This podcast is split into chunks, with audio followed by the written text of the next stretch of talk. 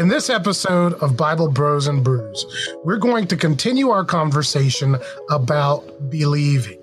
When we talked last time, we talked about this concept where Jesus says that the work that we are to do is to believe.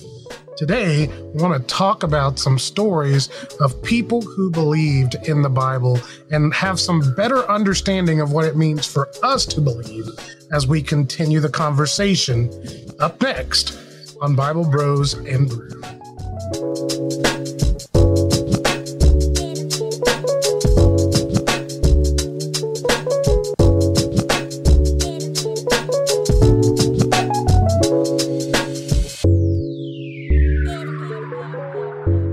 Hey, everybody, and welcome to Bible Bros and Brews. I am David.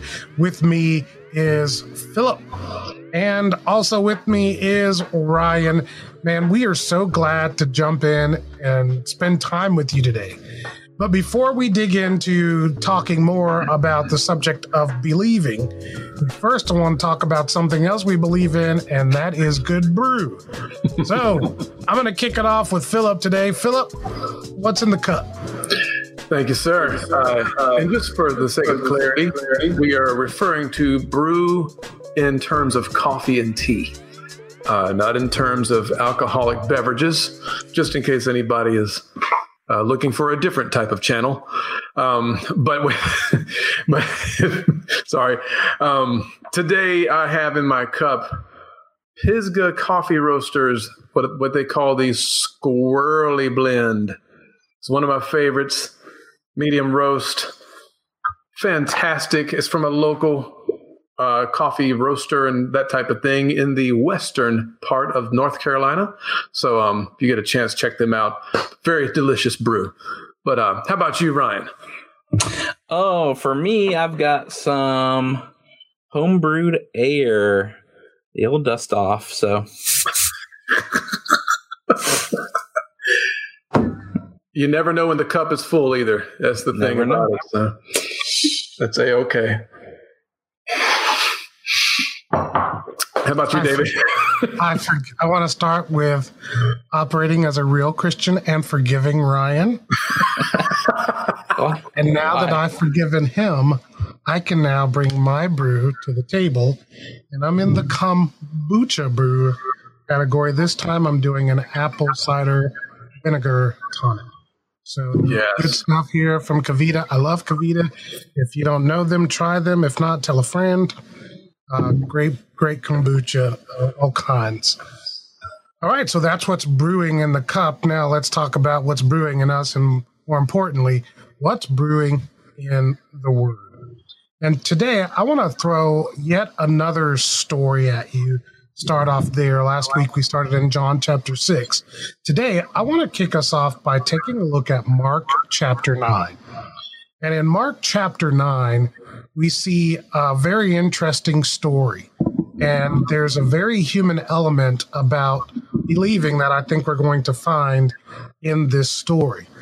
In Mark chapter 9, we see that Jesus has gone on to the top of the mount. He and Peter, James, and John, I believe, and has had this transformation there where he is talking to Isaiah and I believe it's Moses. And uh, these three disciples are there. They see it. So, chapter nine of Mark sets us up with this fantastic experience that happens.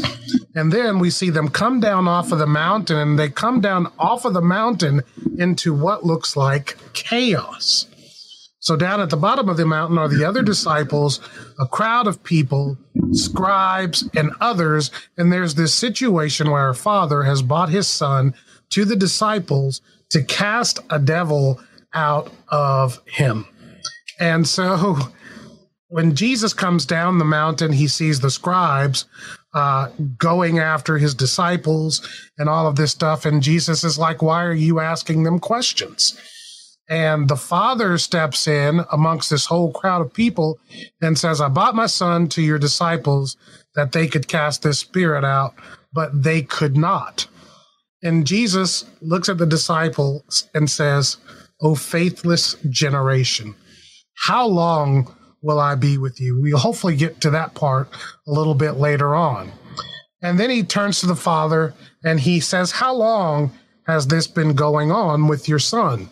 And the father kind of plays this story out that, you know, since he was a child, the spirit takes him, throws him on the ground, it throws him on the fire, throws him in the water, and it's just been crazy.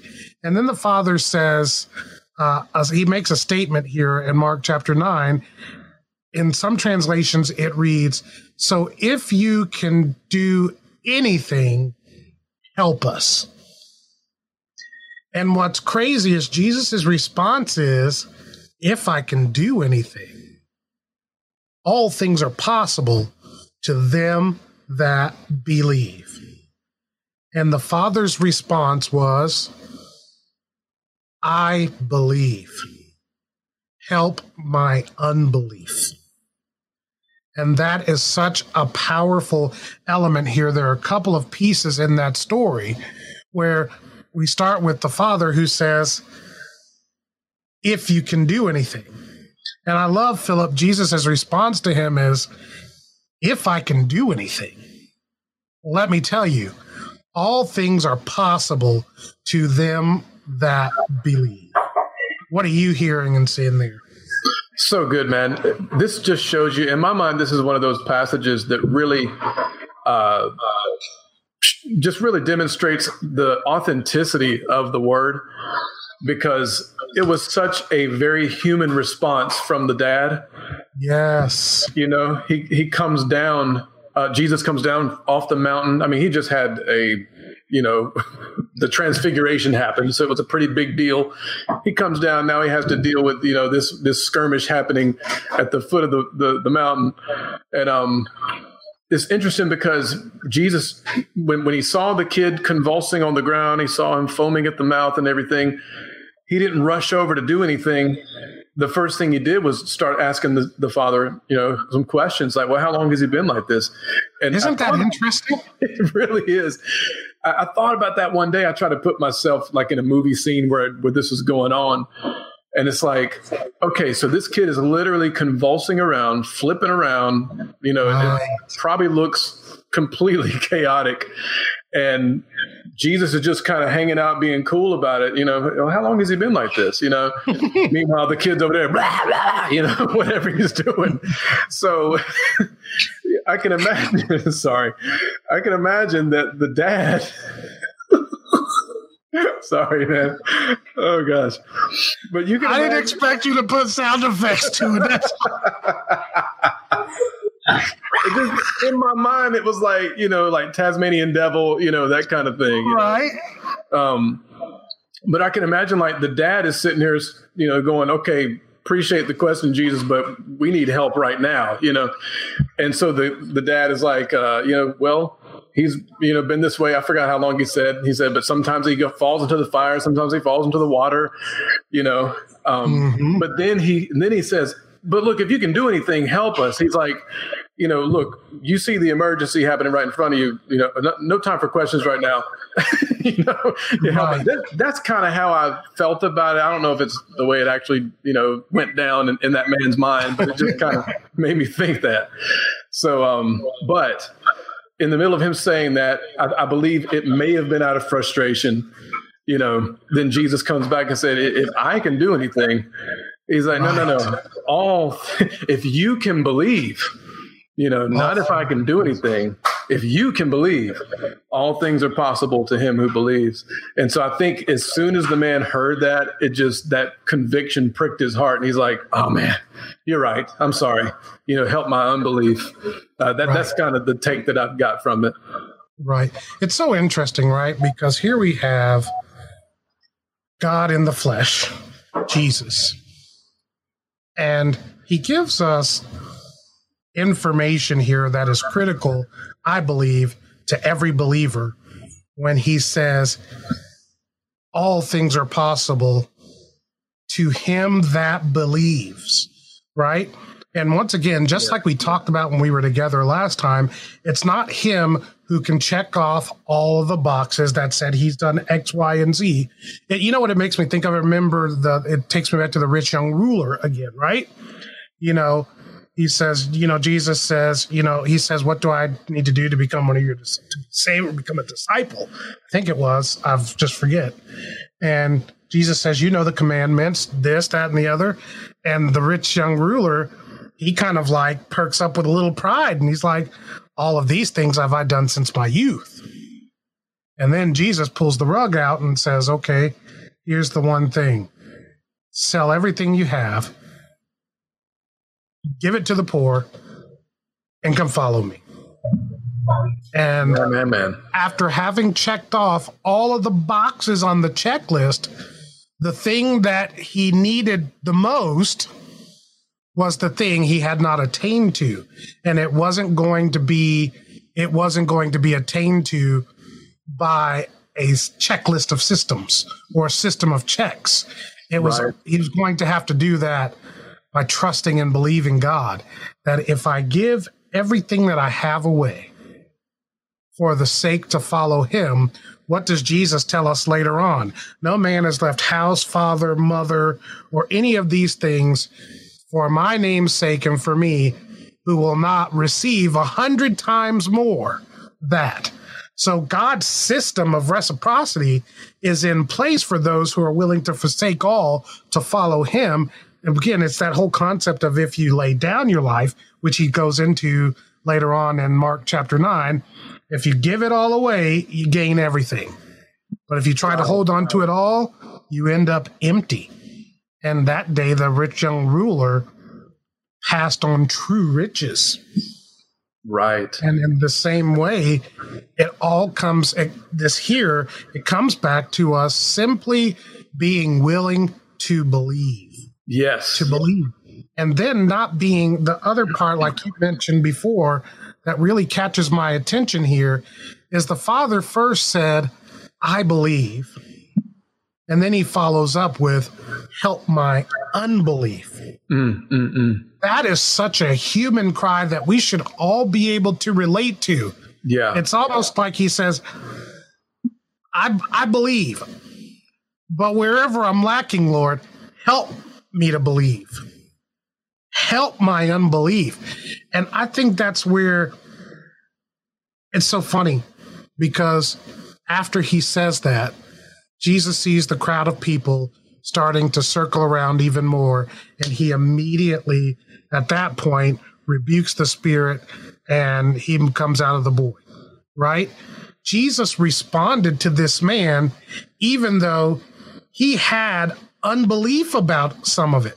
yeah. Even though he was lacking, he used the little bit that he had, which is where he said, I believed. It's like Jesus said, That's enough. I'll use that. My goodness. That's good, man. It's that faith the size of a mustard seed, right? Right. Right. And don't you feel like we're always, you know, especially, well, that might be fair. It just seems like we're always trying to do something to gin up our faith. You know what I mean? We- Yeah. We go to we go to courses on how to how to build stronger faith. Mhm. You know, how to do this, how to do that and the other when it just simply starts with believe. Yeah, it does. And and what's interesting about that is that belief starts with a decision. Come on.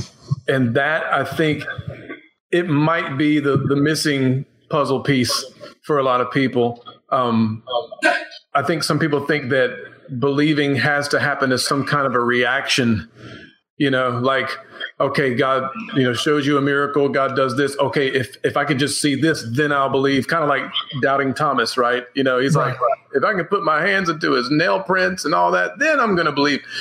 He pretty much proved it right there with that scripture that believing is a decision, you know, because he was like, I will not believe unless, Right. you know what I'm saying? and so I, I, But Philip, continue continue that that part right there because then Jesus comes to him and says, you know, Thomas, here's my side. yeah, Here's Yeah. my hand. Right. How do you believe? But then what does he say after that? He says, Because you've seen me, you believe. Hmm. said, but blessed are those who have not seen me, but still believe. Right. That is so awesome, man. Right. And and you know, with, with the whole doubting Thomas thing, the thing that blew me away about it was that when when the scripture quoted Thomas about that, Jesus was not in the room at that time. Hmm. You know, that was a separate ordeal. He was, it Right. was just it was just documenting that Thomas had said that. He's like, look, I know y'all say you saw him, but unless I see, you know, the the nail prints, and you know, I'm not going to believe. And then a whole other, I don't, it may have been a few days, I don't know, but all of a sudden Jesus shows up in the room. It said the door being shut. He just all of a sudden appears, and then he said, Thomas, reach out and put your hand here and do this. And it's like Jesus was, Thomas was probably freaking out also that Jesus had heard that conversation. Right. you know what I'm saying? Right. So he was just proven over and over again, he is the Lord of all. And that's what Thomas responded Right. with. Thomas said, My Lord and my God, you are the one. Right. So, But then it's like it's like now you believe. yeah. right. So, but I, I've, I've come to conclude just over some times of study and, and so forth, all through the Bible, not even just New Testament, but Old Testament too, that the bottom line is believing is an act of the will. It has to be Hmm. done by what you decide. Right. And um, it just, to me, it just bears out all over the scripture. Right. You know, practically speaking, every day we're choosing to believe stuff. Yes. Yes. Right? We're we're actually employing this every day. We choose to believe that the chair we're sitting in can support us. Some Mhm. people find out that that's a lie and they fall. Right? but we choose to believe the cars that we're driving in will take us from point A to point B for the most part. Some people might drive a hoopty and you may not you may know that it might not make it. I've driven those cars. I understand that completely. But we're exercising our faith, what we believe, every single day. That's right. And when it comes to our belief and our faith as Christians, we are exercising that every day in how we respond to things, right? That's right. Absolutely. So it's not even. I thought about it this way, Philip. Even when you go back to the parable of the seed, um, which we talked about a great deal in the group and stuff like that. Yes. Even you know, these are they who hear the word and receive it, right? Mm-hmm. that concept of reception of the word it, it can't be the same as having heard Right. it says they heard the word and received it to me that is the equivalent equivalent of saying they made a decision to believe what they heard There you go. Absolutely. and as a result it could begin to bear fruit and do all of the things that we then learn about those sown on good ground That's right. that's my take on it in it do you have a different perspective No, no, I think you're absolutely right. It's it's the fact that they they did hear, just like you said, they heard just like the other three types of ground heard, but they decided decided to believe what they heard and decided to act on it. And um, because you're, you know, if we if we boil it down, your belief is demonstrated by what you do, right? Hmm. I mean, that's what James talked about in James chapter two. He's like, faith without works is dead. You know, he said, you can sit here and tell me you have faith, but if you're not acting on anything, I can't really tell that you do. He said, but I can, I can not say a word and show you my faith by what I do. Right You know, and and I think it bears out even in something as simple as prayer. You know, prayer is an act of faith if you think about it. right You know, you, you wouldn't even pray if you didn't believe that God was up there listening to what you're praying. Mhm. Um, you know, this whole life of being a, a, a Christian or being a, a believer, quote unquote, it's all about believing. You know, Right. you, you can't get around it. I know we try to, you know, maybe kind of soften the blow a little bit for unbelievers to tell them, you know, try to use our rationalization and our reasoning and all this stuff to, to help them out or whatever. But at the end of the day, it is a life of faith and a life of belief. You can't get around it. Right. Period. And Phil, I want to say something that we shared in the group on Tuesday night here, and that is is this thought that belief is the seed that your faith comes out of. There right? you go. There it's, you go. It's like if you know anything about seeds, that typically the outside shell is just the husk, and it's holding the real plant inside of it. yes. And then once it's buried in the ground and it's watered, then under the ground, being nurtured, it begins to open up. The husk opens up, and what's inside of it begins to grow and be born.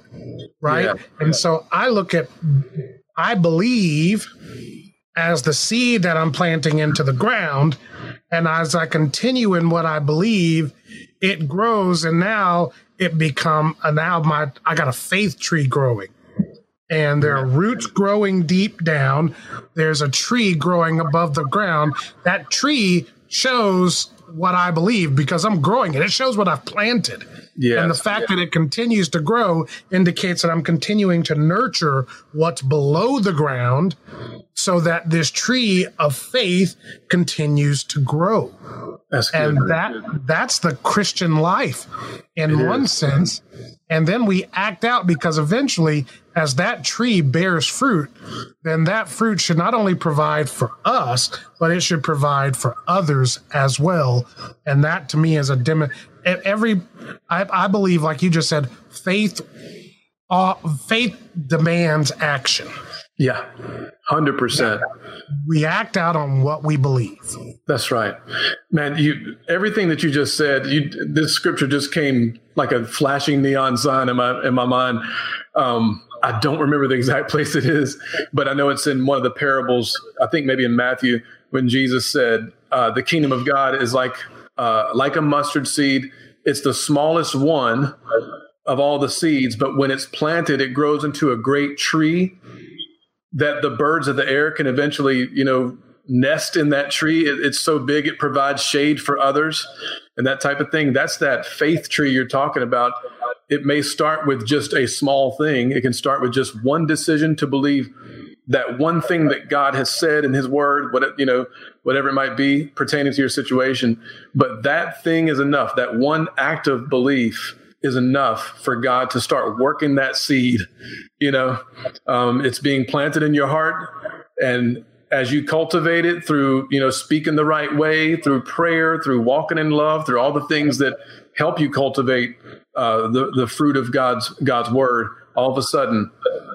Your faith tree is growing, man. Your roots getting strong, and after a while, it's going to be something that nourishes others and not just you. That's good, Philip. And that's in Mark chapter 4, 30 through 33. And then you can Mm. find it in Matthew 8, Luke 13. It's all part, but no, it's actually, yeah, in Mark 4, 30 through 33. I think the, I think if I were to summarize what we're saying here and what the scripture is telling us is that to believe does not require this big, great thing, but it requires just the littlest piece, right? Yes. I believe just a little bit, the mustard seed amount. And that is enough for God to move on our behalfs. That's right. That's What's right. your final thoughts on this, Philip? you know what you just said to me is demonstrated in romans 10 uh, if you confess with your mouth jesus is lord you believe in your heart god raised him from the dead you shall be saved we're talking about the most amazing gift that god could ever give any human being which is salvation yet that huge immeasurable gift is available by believing one thing believe in your heart God raised Jesus from the dead. Right. Believe he's the son of God. Right. Just that one small act, man.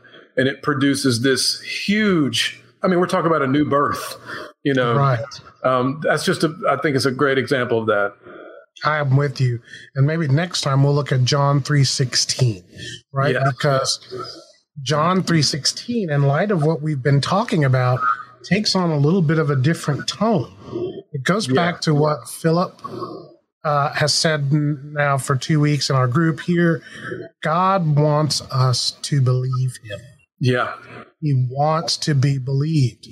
And at, it comes to this point, even in John chapter 6, which we looked at last week, he says, uh, believe this is the work to do that you believe on him whom he has sent, talking about Jesus. And that is the foundation. That's baseline 101. 101. Believe in him whom he has sent. And Yes, John yes. 3:16 brings it back to simply believe. So look, it's not the big thing. It's not some big outward display. It's not some big work that you do of your flesh. Because even in John chapter 6, it says the flesh doesn't profit anything. It's the spirit, it's the heart of man.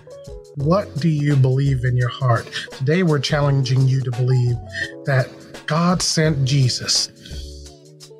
And through him, we who believe in him, we have eternal life.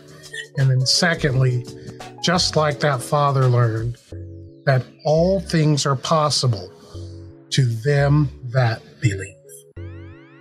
Yes, sir. Believe, everybody. Yes, Well, sir. that's going to wrap it up for another episode of Bible Bros and Brew. On behalf of myself, the illustrious, the kind, the generous, the well loved, the well healed, healed, uh, Philip Rich and Grandmaster Ryan on the ones and twos back there, we bid you adieu. Until next time. See you guys.